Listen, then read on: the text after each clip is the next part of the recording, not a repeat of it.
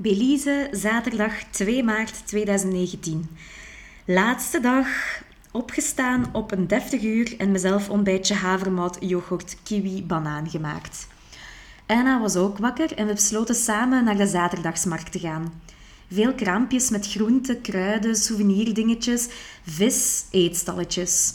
Ik heb er dit nieuwe reisdagboek gekocht, een portefeuille en een kes, kesdia? Het laatste soort eten om te proberen. Dan valies maken en hup naar de bushalte. Daar te weten gekomen dat de expressbussen naar Belize maar heel zelden rijden. Ik moest anderhalf uur wachten voor de volgende. Ging heel, heel, heel nipt worden. Ik informeerde eens bij een taxichauffeur hoeveel het zou kosten. 200 Belize dollar, dus 87 euro. En hij wou een prijsje maken voor 150 Belize dollar. Ik had maar 122 meer op zak, dus ze komt overeen met 53 euro. Hij was akkoord. Veel duurder dan bussen, maar ook wel op tijd en comfortabel. De taxichauffeur wou nog iemand anders voor 20 dollar meenemen. Typisch, maar hij was wel vriendelijk. Hij was 50 plus, maar vroeg al snel of ik getrouwd of single was.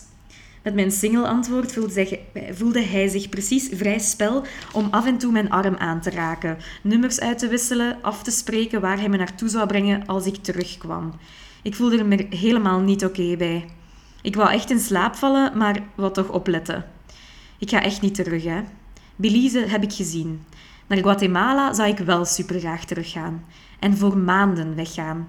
En Spaans leren tegen dan even, dit is toch wel zalig dat ik dat toen heb eh, gezegd en dat dat nu allemaal gaat uitkomen.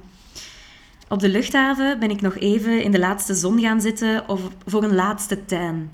Overstappen in Dallas, haasten, dan hele vlucht KO door Zolpidem, overstap in Londen, bijna vlucht gemist door lunch en nu op de trein van Amsterdam naar Brussel in eerste klas. Fancy pants.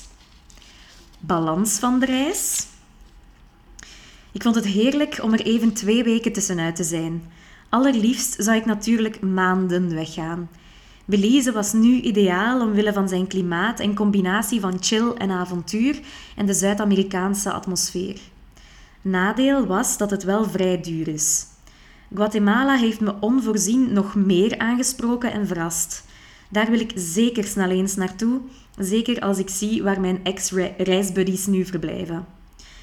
De drie hoogtepunten waren de driedaagse zeiltrip, Flores Tikal en mijn reisbuddies.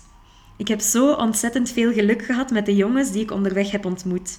Het afscheid was even moeilijk, maar ik ben nu eenmaal een emotioneel en gevend wezen. Ook wil ik de betekenis van mijn tattoo eer aandoen.